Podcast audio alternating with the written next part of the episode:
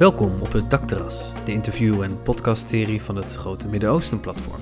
Leuk dat je luistert. Het Dakterras wordt gemaakt door Fernand van Tets, Dick Brochel en mijzelf, Mark Snijder. De interviewer vandaag is Dick Brochel. En hij spreekt met Klingendaal-onderzoeker Erwin van Veen over de ongelijke strijd tussen Israël en Palestina, waarin internationaal recht het aflegt tegen internationale politiek.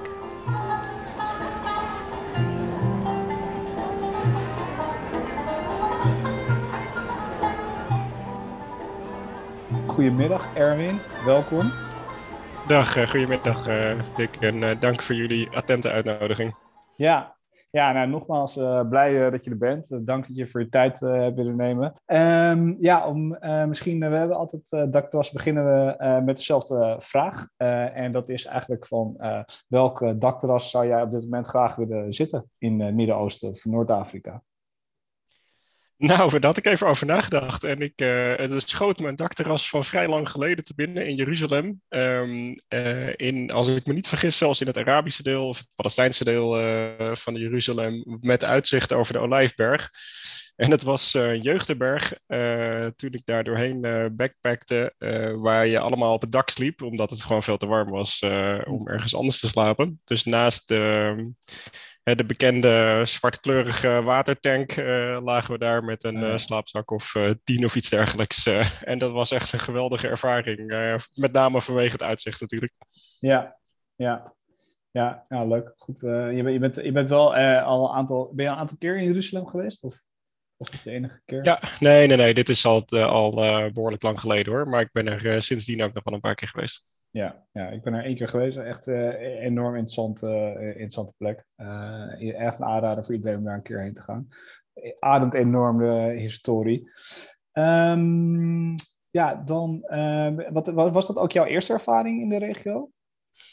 Ja, wat aardig is in de context van dit gesprek, denk ik, is dat ik tussen mijn middelbare school en universiteit een jaartje ben gaan um, backpacken. En dat was in het Midden-Oosten. Dus ik begon in Israël. Ik heb uh, vier maanden in een kibbutz gewerkt zelfs. Daarna nog uh, wat hand- en spandiensten gedaan om wat extra geld te verdienen in uh, Ilat in het zuiden. En daarna ben ik door um, Egypte, Jordanië, Syrië, Turkije en Iran gereisd voor een achttal maanden. Het paspoort nog ergens een keer vernieuwd natuurlijk vanwege Israëlische stempels. Oh ja. ja. dat was echt een hele vormende ervaring. En ik denk dat daar ook wel een heel groot deel van mijn interesse in het Midden-Oosten van is blijven hangen. En dat kwam pas jaren later professioneel tot uh, uitdrukking. Ja. Maar dat was echt een fantastische ervaring natuurlijk. Hè? Je kon toen uh, gewoon nog door de Westbank uh, liften. Er was geen muur te bekennen. Hm. Um, Hè, op een gegeven moment, je zit nou zat nog in die Echet-bussen waar Israëlische soldaten, zodra ze de bezette gebieden inreden, hè, de, hun wapens doorladen in plaats van de munitie uh, aan de zijkant gekleefd uh, lieten. Mm. Dus het was wel een andere context dan vandaag, maar wel met veel parallellen natuurlijk. Ja, ja, ja, interessant. Ja, ik kan me voorstellen dat het een hele vormende periode is geweest. Uh, en ook, ook, ja, veel mooie, mooie ervaringen hoop ik op kunnen doen. Um, moet ik meteen denken aan uh, Nicolaas van Dam, die we ook een keertje hier hebben gehad. Die heeft eigenlijk precies hetzelfde gedaan als jij. Die is begonnen in Syrië, maar uh, ja, het, uh, ja, moest daar wel gelijk aan denken. ik heb dat helaas niet gedaan, nog in, in zo'n ingesloten periode, maar dat, moeten we eigenlijk wel een keertje doen. kijk ook even naar Mark, die namens het Midden-Oosten Platform Techniek doet. Um, nou, dan een beetje meer inhoudelijk. Uh, de Nederlandse politiek en, uh, en samenleving. Hebben het kopje genoemd, althans ik. we hebben het kort het gesprek voorbereid en wat leidende vragen opgesteld.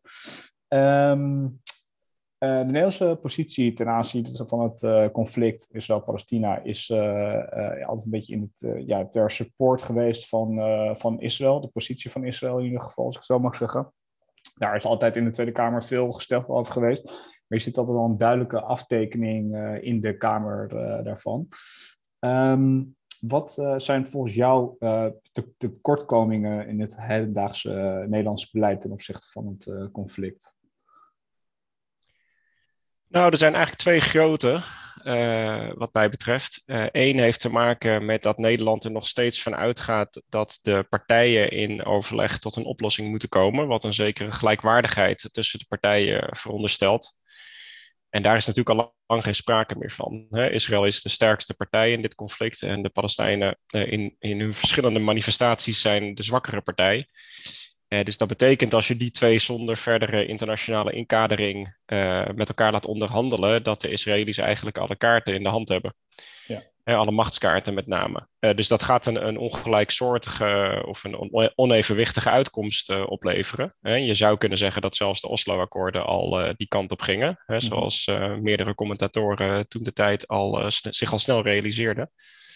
met name omdat ze geen paal en perk stelden aan de uitbreiding van de settlements bijvoorbeeld.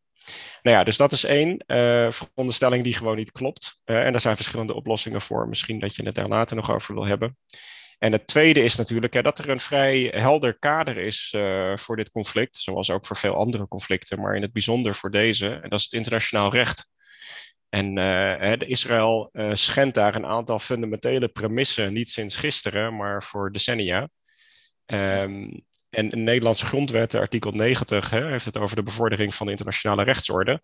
En dat, dat element ontbreekt volledig in het Nederlandse Israël-Palestina-beleid. Dus dat is het tweede grote manco, uh, naar mijn mening. Ja, en, uh, en, en uh, ligt dat in de Europese Unie anders? Of lidstaten van de Europese Unie? Ik weet niet hoe we dat precies moeten zien, maar in Europa? Nou, kijk, de Europese Unie als in instituties die kunnen niet zo heel erg veel met dit conflict. Uh, anders dan uh, hier en daar aanslaan op wat al te flagrante schendingen van het internationaal recht. Uh, via instrumenten die dan door de EU-instituties uitgevoerd worden, zoals Horizon 2020, wat over onderzoek gaat. Of labeling en etikettering, wat dan direct met de interne markt te maken heeft. -hmm. Maar verder zijn die EU-instituties uh, geparalyseerd omdat de lidstaten, uh, ja, de opinie van de lidstaten te veel uit elkaar loopt op dit conflict. En de EU op het moment in ieder geval niet geëquipeerd is om daar, um, ja, daar chocola van te maken. Hè? Dan, dan hebben we natuurlijk landen die erg aan de Israëlische kant staan. Uh, zoals Nederland, maar ook Duitsland bijvoorbeeld vanwege uh, de Holocaust natuurlijk. En tot voor kort Groot-Brittannië. En er zijn landen die veel kritischer zijn uh, ten opzichte van Israël, zoals Frankrijk, Zweden, Ierland bijvoorbeeld. en dan heb je nog recent Oost-Europese landen, waar minister-president Netanyahu toch een soort van charme-offensief heeft gehouden. Met name Hongarije, maar ook Polen en een aantal andere landen. Ja, die eigenlijk het, het niet zo bijster veel uitmaakt. Die hebben een regionale politiek in principe, maar uh, die zich uh, graag um, ja, um, voor, uh, voor, voor Israël hand- en spansdiensten verlenen, om het zo maar te zeggen, binnen de EU-constellatie. Ja. Um, ik zie ook een vraag in de chat binnenkomen over het internationaal recht. Dat, dat is ook wat jij net noemt, het kader. Ik heb in onze voorbespreking artikel aangehaald van André Nol, Kamper, volgens mij. Uh, Kamper, ja. Hoogleraar internationaal recht aan de UvA. Uh, die heeft onlangs een artikel geschreven in de NRC, waar, waar hij ook zegt van ja, het internationaal recht biedt eigenlijk uh, een, een, een juist, het is niet helemaal apolitiek kader, maar het biedt in ieder geval een geaccepteerd kader waarin dit, we dit zouden kunnen beslechten. of in ieder geval stappen kunnen maken en waar in ieder geval Nederlandse politiek ook het beleid aan zou kunnen ophangen. Uh, hij noemt daar zelf in uh, drie, om even op uh, Roelof zijn vraag te reageren, zelf punten waarin Israël het internationaal recht schendt. dat is volgens hem dat Israël een illegale bezetting uitvoert. dat ze een, een, systeem van apartheid toepassen die, dus, die Palestijnen discrimineert en achterstelt. die had het eerder ook over de ongelijkwaardigheid in het conflict. Dat is hier ook daar onderdeel van. En um, ja, de, de, de, ja, hoe noem je dat? Een van de pilaren waar het internationaal recht ook op is gebouwd na de Tweede Wereldoorlog is het uh, recht van zelfbeschikking. Uh, dus dat zijn uh, volgens mij ja, de, de, argumenten die André naar voren brengt ehm, om, om dit Nederlands beleid te hertoetsen. Um, je schrijft dat zelf ook, of je, je, zegt dat zelf net ook. wat is ja, wat, wat, zijn de, wat zijn de hindernissen eigenlijk voor, voor Nederland om daadwerkelijk die stappen ook te zetten op dit moment? Nou, die zijn natuurlijk vooral van politieke aard. Kijk, dat, dat artikel in het NRC was echt uitstekend. Uh, en hij heeft er ook voor doorgeleerd natuurlijk. Dus daar heb ik verder niet zo heel erg veel aan toe te voegen. Um, uh, behalve dan dat, kijk, internationaal, het probleem of de uitdaging van internationaal recht is natuurlijk dat waar het op papier uh, relatief duidelijk is, uh, is het in de implementatie afhankelijk van internationale politieke consensus. Hè. Er is geen, uh, geen globale staat. De, de, de, de, VN functioneert niet zoals hè, de Nederland BV, de staat der Nederlanden, dat doet.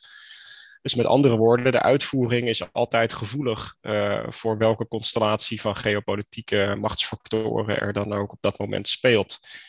En daar is Israël natuurlijk uh, een enorme, hoe zeg je dat, beneficiary. Hè? Dus hij doet daar enorm zijn voordeel mee, omdat met name de Verenigde Staten als lid van de permanente vijf in de Veiligheidsraad natuurlijk vierkant achter Israël staat. En dat, dat verhindert voor een heel groot deel dat het internationale recht zijn beloop neemt, of in ieder geval een sterkere push krijgt.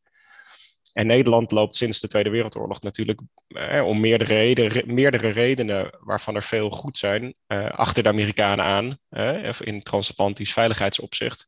En volgt ook eh, braaf Amerikaans buitenlands beleid op veel gebieden. Um, dus dat verklaart voor een deel het, rolletje, het bijrolletje van Nederland in dit verhaal. Um, maar niet staat de Tweede Kamer of de regering in de weg om uh, wat meer invulling te geven aan artikel 90 van onze eigen grondwet. Hè, nog, nog los van vele VN-resoluties uh, eh, en ja. oordelen. Dus dat is vooral een kwestie van um, ja, knopen tellen. Hè. De politieke wil is er niet. En uh, we kunnen in meer detail daarop ingaan als je dat wilt, waarom dat zo is. Nou, nou ja, misschien de, nog even over de verhouding in de Kamer uh, te, te, hebben. Uh, ik uh, zag op het Rights Forum ook een, een website die zich veel al over dit thema spreekt, inzet. Volgens mij alleen maar. Uh, die hadden, het was in voorbereiding van de Raad van Europa, was er een stemming of een debat in de Tweede Kamer, uh, waarin, uh, en, dat ging eigenlijk alleen maar over dit thema, als ik de Rights Forum mag geloven. En daar waren 26 of 21 moties ingediend ten aanzien van Israël-Palestina-conflict. En de merendeel, 20 daarvan, ging over internationaal recht en, en de positie daarvan. Dus het, het blijkt wel, denk ik, dat over de Kamer uh, verdeeld dat, dat die aandacht voor dat uh, standpunt uh, aanwezig is. Maar geen één keer heeft het daarvan gehaald. Geen één. en vaak het dan ook de VVD en de CDA die zich een beetje op de achtergrond stellen. Of ja, in ieder geval niet lijkt het de durf hebben om daar ook stappen in, in, in, te zetten. Hoe, hoe, hoe zie jij dat? Hoe, hoe verhoudt zich dat tot, tot de stappen die ze mogelijk wel Nederland zouden moeten nemen? Nou ja, kijk, de, de partijpolitieke standpunten zijn wel gevoeglijk bekend. Dus uh, zeg maar voor meer begrip over wat zit daar nou achter, uh, moeten we bij de partijen zelf zijn, denk ik. Maar um, wat natuurlijk een evidente conclusie is, is dat een, een soort van ja, ideologische slash politieke overtuiging uh, ten faveur van Israël extreem resistent is tegen het zich overduidelijk opstapelende bewijs dat Israël daar allerlei praktijken uithaalt die gewoon niet door de beugel kunnen. Ja. Uh, die niet stroken, niet eens met het recht op zelfbeschikking en dat soort abstracte noties, maar gewoon de mensenrechten, de internationale mensenrechten. En natuurlijk uh, is dan, krijg je dan, als ik, zo, als ik dat punt maak, krijg ik vaak het verwijt, ja, maar Hamas dan en hè, wat what about de Palestijnse autoriteit? Nee, dat zijn ook geen gezellige clubjes, die zijn ook autoritair en die, die doen ook dingen die niet kunnen. Maar dan ga ik wel terug naar mijn oorspronkelijke punt, dat Israël uh, uiteindelijk de kaarten van dit conflict grotendeels in handen houdt en een dominante machtspositie heeft. Um, en ter kleine illustratie daarvan, kijk, 60% van de Westbank, Area C, staat gewoon onder militair en civiel beheer van Israël. En ze zijn daarover geen enkele verantwoording schuldig aan wie dan ook. Er worden daar op dagelijkse basis uh, mensen onteigend, hun huizen uitgezet, akkers platgebrand, uh, kuddes gedood. Niet per se door het Israëlische leger hoor, maar ook door kolonisten. Maar die worden dan uiteindelijk beschermd door het Israëlische leger als je daar met een, uh, een, steen gooit naar een Israëlische patrouille, dan uh, loop je het risico om gewoon doodgeschoten te worden. je had een messenintifada. dus dat zijn eigenlijk soort van wanhoopsacties in mijn optiek van mensen die gewoon het niet meer weten, voor een deel in ieder geval. Uh, en die worden dan weggezet als terroristen en gewoon over doodgeschoten. Ja, dat, dat klopt gewoon niet. Ja. vanuit mensenrechtenoptiek. de checkpoints, de, uit, de, de beperkte mobiliteit van de Palestijnen, het hele systeem van regulering. Uh, dus daar worden allerlei uh, trucs uitgehaald, uh, half gelegaliseerd, zoals ook in Sheikh Jarrah, die uitzettingen. dat zou dan op het betalen van de huur gaan. dat is natuurlijk totale onzin. Ja. Ehm, en daar moeten we, dat dringt op een of andere manier niet door. En ehm, ik snap persoonlijk niet zo goed waarom dat zo is. En, en zeker niet bij de christelijke partijen in Nederland, omdat die toch uh, hè, christelijke naaste liefde, mensenrechten en dat soort waarden hoog in het vaandel zouden moeten voeren. Ja, ja, ik, het, nee, ik helemaal eens. Ik ben één keer in een soort van semi-politieke missie uh, naar Israël geweest met een groep mensen. En daar, daar werden we ook, ja, kregen we voorbeelden te zien over, over water, bijvoorbeeld de watervoorziening. sinds 2007 loopt er een muur in, over, de, over de Westbank en, en Jeruzalem daar. En het schijnt dat die muur, opgezet door de Israëli's, dat die uh, je hebt bepaalde aquifers, waterbronnen die uh, in die gebieden liggen. Die muur die neemt elke keer een bocht om die aquifers heen, waardoor die water, wat eigenlijk op Palestijns gebied ligt, volgens uh, FVN-kaders, die bronnen nu op Israëlisch de facto grondgebied liggen. er zijn allemaal Israëlische waterbedrijven actief die dat water winnen en terugverkopen aan de Palestijnen. Uh, daar rekenen ze een veel hogere prijs dan voor de Israëli's. Er is minder water beschikbaar voor de Palestijnen. Het zijn dit soort dingen die af en toe dat je echt denkt van ja, hoe kan je hier met een soort van, niet eens mensenrechtenblik, maar een soort van logisch nadenken dat je dit soort van accepteert. En ik denk dat dat ook een beetje voor veel mensen de, het onbegrijpelijk maakt dat, dat dit conflict op deze manier ook nog steeds in de internationale politiek uh, ja, gestalte blijft, uh, blijft houden. Dus ja, ik, ik, ik, zie, ik, ja, ik, ik vind het frustrerend af en toe persoonlijk, maar ja, dat terzijde. Um, je, we hadden het over internationaal uh, recht. Um, dat daar nog heel even terug op te grijpen. Want voor Nederland is juist internationaal recht, dat hoor je vaak, uh, zo, belangrijk. Dat we een klein land zijn. We, we, uh, daar, weet je, daarom zitten we ook deels in de Europese Unie. We zien de voordelen van ons aan te sluiten bij, bij blokken. zo kun je het internationaal recht ook zien.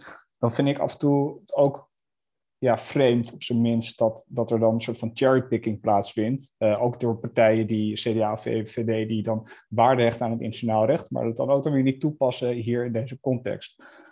Um, zie, je, zie, je dat, zie, je dat, zie je dat veranderen uh, in, in, in, in, in de toekomst? Ja, één stap terug, denk ik. Kijk, of dat raar is of niet, um, dat hangt denk ik een beetje van je perspectief af. Hè? Want omdat de interpretatie, of de implementatie moet ik zeggen, de uitvoering van het internationaal recht zo politiek gevoelig is, is het natuurlijk, dat maakt het ook wel weer logisch dat het zo variabel uh, hmm. geïnterpreteerd en uitgevoerd wordt. Hè? Want de, daar ontstaat dus heel veel ruimte voor manoeuvre. Ja. Um, waar partijen een voordeel mee doen, conform hun eigen agenda nou ja, dat is duidelijk in het geval van een aantal politieke partijen in Nederland uh, dat die die ruimte graag nemen, ondanks dat zich dat verzet tegen allerlei internationale bepalingen en ook uh, onze eigen grondwet. Of ik daar binnenkort verandering in zie, uh, dat, hangt, dat hangt er denk ik van af hoe de Nederlandse publieke opinie zich ontwikkelt. Wat je in de laatste conflict-episode, zal ik maar zeggen, dus van een paar weken geleden ziet, is dat de regering uh, vervalt in de klassieke pro-Israël reflex, hè, recht op zelfverdediging, dat soort uh, dingen.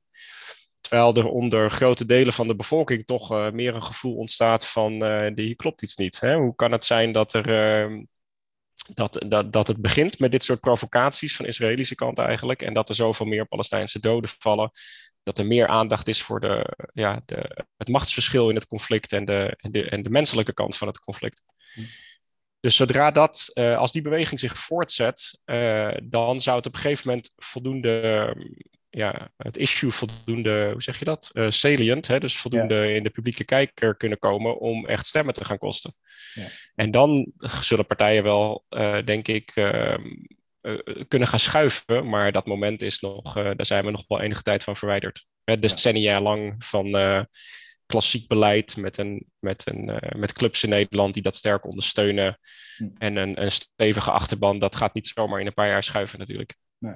Ja, ik vind het ook opmerkelijk wat dat betreft dat je eigenlijk in het publieke debat uh, zo weinig echt daadwerkelijk ja, ja, discussie misschien niet meer een uh, gesprek hebt. Het is echt of je bent voor of je bent tegen en daartussen is bijna niks mogelijk. Ik vind dat af en toe ook uh, tekenend. Ja, er is weinig ruimte voor nuance. En dat komt natuurlijk ook uh, uh, ja, voor een deel omdat dat is ook een expliciete strategie van de partijen hè, bij het conflict. Uh, van een aantal partijen in ieder geval. Ik neem als voorbeeld het verwijt dat je vaak krijgt dat als je kritiek hebt op het Israëlisch overheidsbeleid vanuit bijvoorbeeld een internationaal rechtelijk perspectief, dan word je snel voor antisemiet uitgemaakt. Terwijl die dingen hebben natuurlijk totaal niks met elkaar te maken. Hè? Antisemitisme, daar laten we daar duidelijk over zijn, dat is verwerpelijk. En dat gaat natuurlijk om discriminatie op basis van aangeboren karakteristieken ja. uh, van een individu of een bevolkingsgroep. Maar dat heeft natuurlijk niks te maken met overheidsbeleid, wat leidt tot illegale bezetting van gebieden die nooit onder controle van die staat vielen. Ja. Dus dat zijn trucs, hè? dat zijn retorische trucs om kritiek uh, te delegitimeren. Ja. Uh, en je ziet hetzelfde nu de Palestijnen een aantal zaken bij het internationaal gerechtshof hebben aangespannen. Hey, dat is dan gelijk demonisering van het Jodendom uh, volgens sommigen. Dat is natuurlijk totale onzin. Hey, daar is het internationaal gerechtshof helemaal niet voor. En dat zullen ze ook geen zins gaan doen. Dus dat, is, ja, dat zijn vormen van stemmingmakerij waar we niet in mee moeten gaan. Uh, en we, we, moeten gewoon, voor zover ze er zijn, bij de feiten blijven van het conflict. En die zijn vrij helder. Ja, ja nee, duidelijk. duidelijk. Um, we, we, hebben het uh, al een paar keer gehad over uh, ja, de buitenlandse politiek, factor geopolitiek, als je wil. En, uh, en ook hoe dat het internationaal recht soms bemoeilijkt. Um, een paar ontwikkelingen die hebben plaatsgevonden het afgelopen jaar. Um, ik zie ook een vraag hier van, over binnenkomen. Uh, Netanyahu is, uh, lijkt erop dat hij uh, niet langer premier is. ik denk dat de facto al, een nieuwe is aangesteld, dat dat helemaal al door de Knesset en dergelijke is heen gekomen. Maar zie je daar mogelijk ook een, ja, een, een, moment ontstaan of enige verandering wordt betracht? Nou, je weet het nooit, maar ik ben sceptisch en dat heeft uh, twee redenen. Uh, de een is meer historisch, namelijk dat het Israëlische uh, beleid van expansie in de westelijke Jordaanoever en Oost-Jeruzalem, dat wordt historisch door alle Israëlische regeringen uitgedragen. Of ze nou van Labour zijn geweest of Likud, dat maakt niet zoveel uit. Ja, dat heeft hooguit invloed op de, de mate waarin en de, toon, de toonzetting waarmee het gebeurt. Maar ook onder alle Labour-regeringen is die, uh, heeft die expansie in het verleden uh, voortgang gevonden. Dus dat, dat neigt tot sceptisch. Um, en twee, de huidige coalitie die nu uh, Netanyahu dreigt uit het zadel te wippen, is extreem gevarieerd. Hè? Het loopt zeg maar van centrum links tot extreem rechts, om het maar eventjes, of extreem rechts, populistisch, conservatief rechts moet ik zeggen. Uh, dus die hebben weinig gemeenschappelijk uh, ten aanzien van het Palestijnse conflict. Die willen vooral gewoon een andere premier die het vertrouwen heeft verloren, omdat hij voor meerdere corruptiezaken in de rechtbank staat en te veel vijanden gemaakt heeft in dat decennium plus dat hij aan de macht was. Ja. Dus ik verwacht daar geen hele nieuwe vredesinitiatieven of iets dergelijks van. Het, het issue staat helemaal niet in de top drie van de Israëlische politieke agenda. Nee, Nee. En, en uh, als uh, we het ook natuurlijk Amerika, uh, Amerikaanse presidenten, Amerika buitenlands beleid speelt hier altijd een grote rol in. Biden is net um, gekozen. Um, verwacht je daar enigszins, want dat is wel in de, in de Democratische Partij in Amerika is, natuurlijk, is dit ook een, een belangrijk thema. Trump was zeer pro-Israël. Uh, in ieder geval het, uh, het beleid wat ze ten aanzien van uh, de bezette gebieden voeren. verplaatsing van de, van, van de ambassade onder andere naar Jeruzalem. Um, ik denk niet dat het per se vanuit Amerika een geheel ander paradigma valt te verwachten, om zo maar te zeggen, dat een grote verschuiving. Maar zie jij daar misschien ook ja, kansen ontstaan om wellicht toch een stap verder te komen? Het Amerikaanse optreden tijdens de de, de, de recente geweldsepisode was natuurlijk wel tekenend. Um, Ze zaten vooral op hun handen. Ze blokkeerden de Veiligheidsraad. Uh, ze stuurden een, uh, een, een, functionaris naar, uh, naar Israël-Palestina toe om te kijken of er nog wat geregeld kan worden met de Israëlische overheid. En pas toen het, de, de boel eigenlijk al een beetje op zijn einde liep, ehm, zetten ze wat zwaarder soortelijk gewicht in de strijd. Dus met andere woorden, en daar hoeven we niet zo heel erg veel van te verwachten, in mijn optiek, op dit basis van dit datapunt. En dat spoort natuurlijk ook met de hele pivot to Asia en het terugtrekken uit het Midden-Oosten, wat uh, tot dusver de publieke Amerikaanse agenda is. En daarbij komt natuurlijk um, historisch nog dat de Amerikanen zich natuurlijk meermaals gebrand hebben aan allerlei vredesinitiatieven. Um, logisch, omdat ze natuurlijk niet, uh, ze zijn geen onpartijdige broker of iets dergelijks. Hè? Ze staan gewoon achter Israël. Dat, uh, dat is inmiddels wel duidelijk. Dus ik verwacht vanuit de Amerikaanse kant daar niet zo heel erg veel, ehm, niet zo heel erg veel nieuws. Ze zijn eerder een, een obstakel bij tijd en wijlen dan dat ze een, factor ten faveur van vrede zijn. Ja, en is, is de Europese Unie, als je dat zou kunnen vergelijken met Amerika, zijn die kritischer ten opzichte van Israël? Dat is namelijk wat ik wel eens van begrepen heb. Nou ja, kritischer zijn dan de Amerikanen, dat is niet zo heel erg moeilijk uh, om te beginnen. Um, hè, en ik zou het voor de EU als geheel zeggen, ja, op het niveau van press releases zijn ze wat kritischer. Hmm. maar daar, daar houdt het dan ook gelijk mee op. Ja want uh, meneer Borrell heeft de, de, de hoge vertegenwoordiging van het, vertegenwoordiger van het Europese buitenlands beleid, heeft natuurlijk uiteindelijk heel weinig ruimte voor manoeuvre als de lidstaten zo fundamenteel verdeeld zijn als ik net schetste. Ja. Dus hij, misschien zou hij wel willen, maar dan kan hij het niet, uh, omdat hij dan gelijk teruggefloten wordt. En dus waar we op moeten hopen, is dat er een soort van coalitie van EU-landen uh, zich wat sterker gaat bewegen hè, dan, dan wat meer de, de, de Israël-kritische landen. Hm. En op basis daarvan meer druk gezet uh, kan worden om tot vrede te komen natuurlijk uiteindelijk. Ja. ja, en als we dan kijken naar die verhoudingen in de Europese Unie. ik had even opgeschreven dat samen met Duitsland Nederland vrij ook supportive is geweest altijd ten opzichte van Israël, samen met Groot-Brittannië. Uh, meer Palestijnse standpunten voorbrengen is uh, Frankrijk-Spanje historisch gezien. Uh, Verenigd, Verenigd Koninkrijk heeft natuurlijk de Unie verlaten. Zie je daar ook misschien een dynamiek ontstaan? bedoel, Verenigd Koninkrijk is al een heel belangrijk actor geweest binnen de Europese Unie, voor zover dan buitenlands beleid en zo, als je daar maar van kan spreken. Zie, zie, je daar mogelijkheden ontstaan voor zo'n coalitie misschien die je er noemde?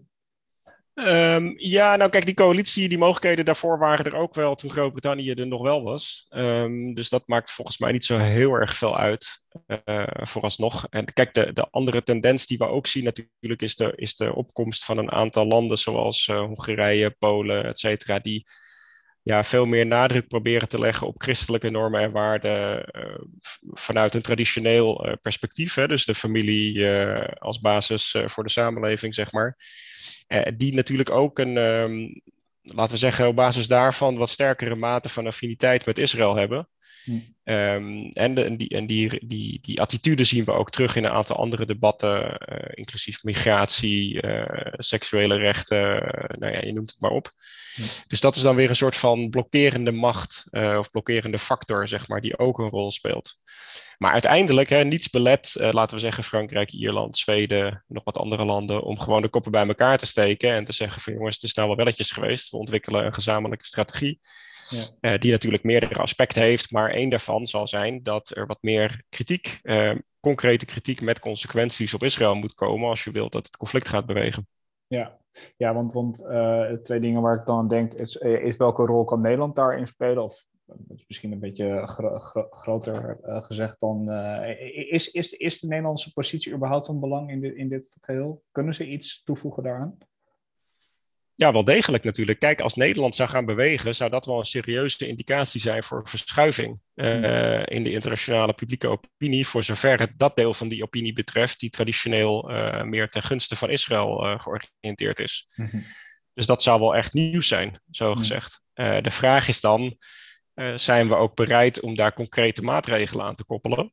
Ja. En mocht dat zo zijn, uh, okay, dan hebben we echt een andere situatie te pakken. Ja. Um, en, en dat is, maar er zijn natuurlijk nog aardig wat barrières uh, op de weg die, voordat het zover is. Ja, dat uh, misschien zometeen uh, gezien de tijd ook bijna uh, naar de afronding wil ik hier over barrières nog heel even terugkomen. als laatste, voorlaatste punt dan misschien. we hebben het associatieverdrag ook via binnen de, EU met Israël.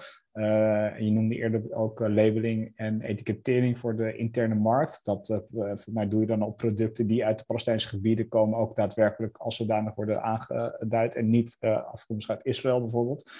Um, eh, de EU, zei je ook, ja, verklaard in persberichten, uh, is nogal kritisch wel eens uh, ten, opzichte van, van Israël, maar ja, gaat dan niet, neemt dan niet die stappen die misschien nodig zijn binnen het associatieverdrag of Horizon 2020 en dergelijke, om daadwerkelijk al consequenties eraan aan te binden. Zou, zouden dat wel dan volgens jou de eerste stappen kunnen zijn naar een ook beleidsmatig kritischer perspectief? Ja, het zou, het zou niets meer en minder betekenen dan het consistent doortrekken van beleidsstandpunten die de EU al lang ingenomen heeft. Hè, dit is niet nieuw, het is niks nieuws dat de EU zich stelt achter alle VN-resoluties, het oordeel van het Internationaal Gerechtshof en Israëlische bezetting van, van de Westbank, Oost-Jeruzalem als zodanig ziet. Ja. Uh, er is ook niks nieuws aan de registratie, of er is heel veel bewijs dat er dagelijkse basis de mensenrechten geschonden worden. Dat is natuurlijk niet alleen door Israël, maar een significant percentage komt wel voor de rekening van Israël. Ja. En als je dan een, een associatieverdrag heeft met een, met een paragraaf, hè, artikel 2, die expliciet over mensenrechten gaat en je maakt daar geen gebruik van. Ja nou, dat is natuurlijk politiek opportunisme. Ja, ja nee, duidelijk. duidelijk. Oké, ehm, misschien als uh, in, in, in, in, in volgorde van prioriteit, wat zou jij zien als wat echt noodzakelijke uh, stappen als je al. Het is een heel complex en divers probleem. Uh, ik denk dat we daar wel over eens kunnen zijn. Maar wat zijn, zou je dan kunnen zeggen? De Palestijnse autoriteiten hebben we het bijvoorbeeld niet over gehad. Maar dat is volgens mij ook echt een, een, een noodzaak om, om een, een ja, om die uh, te hebben. Wat zou je nou kunnen benoemen in dit conflict als drie punten die echt van wezenlijk uh, moeten, zouden moeten veranderen om, om dichter bij een oplossing te kunnen komen? Hmm. Nou, dat is een hele goede vraag. Um, ik zal me tot drie beperken, maar dan met de kanttekening dat ja. je daar natuurlijk snel uh, nog een paar factoren aan kunt toevoegen waar we dan nu de tijd niet voor hebben. Eén, en mijn, vanuit analytisch perspectief eh, moet de machtsbalans in dit conflict geadresseerd worden, wil je tot een duurzame oplossing komen. Dus dat betekent concreet meer druk op Israël. Ja. En niet in de vorm van press statements of beleidsverklaringen, maar dingen die je voelt. dus uh, wat dat dan precies mogen zijn, artikel 2 van het associatieverdrag of iets anders, kunnen we een gesprek, ander gesprek over hebben. Punt 2, zolang het leiderschap uh, en, de, en de functie van de, van de PLO of een, een variant daarop niet ehm, hoe zullen we, dat zeggen, vernieuwd wordt, is er natuurlijk aan de Palestijnse kant ook ja, onvoldoende organisatie, leiderschap en motivatie om echt een, een tegenmacht te vormen. De Palestijnse autoriteit, dat functioneert al tijden niet meer. Dat is natuurlijk een soort van autoritaire, lichte, kleptocratische club geworden. Ja. Met leiderschap van mensen die al uh, die geen enkel gevoel meer hebben met de issues van vandaag de dag en gewoon aan het truusje blijven kleven, als ik het onaardig zeg. Ja. Dus daar zullen we een zekere mate van vernieuwing moeten zien uh, voordat die energie die er is, hè, onder, onder de Palestijnen zelf, echt gemobiliseerd kan worden. En drie, um, er moet een manier gevonden worden om het gesprek met Hamas aan te gaan. Kijk, hmm. dat is natuurlijk, uh, die doen ook dingen die je uh, als oorlogsmisdaden, respectievelijk terrorisme kan labelen. Maar in de basis is het natuurlijk geen terroristische organisatie als zodanig. Hè. Die hebben hmm. ook een achterban, die hebben een politieke agenda. Uh, die, die, die, ja, die proberen natuurlijk ook doelen te bereiken die je veel meer op het vlak van uh, ja, verzet, politieke weerstand uh, moet zien. En het is natuurlijk onvermijdelijk dat als je zo'n club uitsluit van het gesprek, hè, door niet eens relaties met ze aan te gaan, dat je dan niet tot een duurzame vrede kan komen. Hè, dat is een grondprincipe van, van vredesprocessen. Ja. Dat betekent helemaal niet dat je het met ze eens hoeft te zijn, vriendjes hoeft te worden of hun daden hoeft goed te keuren, maar wel ja. dat er simpelweg een gesprek moet zijn onder welke voorwaarden en op wat voor manier zijn ze bereid om mee te werken aan een oplossing? want de, de Gaza-strip is natuurlijk ook niet echt een ideale situatie, om het maar even nee. eufemistisch te zeggen. Ja, ja nee, duidelijk. Ja, heel erg uh, bedankt Erwin. Ik denk dat we zo een beetje uh, toe zijn gekomen aan het eind van ons uh, lunch-interview. Ehm, ja, veel, ik denk een heel interessant gesprek is geweest. ik denk dat we toch wel veel ja, punten hebben kunnen raken in het gesprek. ook al duurde het maar iets langer dan een half uur. Uh, dus dank daarvoor. Uh, als uh, afsluiter hebben we altijd dezelfde vraag. En dat is, ja, wie zou jij zelf volgende keer op een dakterras uitnodigen? Nou, daar heb ik twee suggesties voor. Als je op dit onderwerp verder wil gaan en de Nederlandse context, dan is Peter Malcontent van de Universiteit Utrecht een hele goede. Ja. En ik zou ook Michel Rentenaar, de Nederlandse ambassadeur in Irak, kunnen aanbevelen voor een gesprek. Uh, indrukwekkende man. En ze zijn met mooie dingen bezig daar in Bagdad. Dus dat ja. zouden mijn twee suggesties zijn. Ja, nou, dankjewel.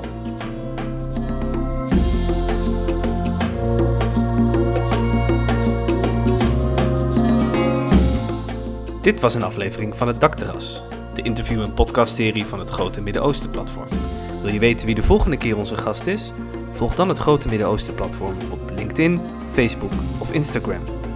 Wil je meer weten over onze producten en diensten? Kijk dan op hetgrotemiddenoostenplatform.nl.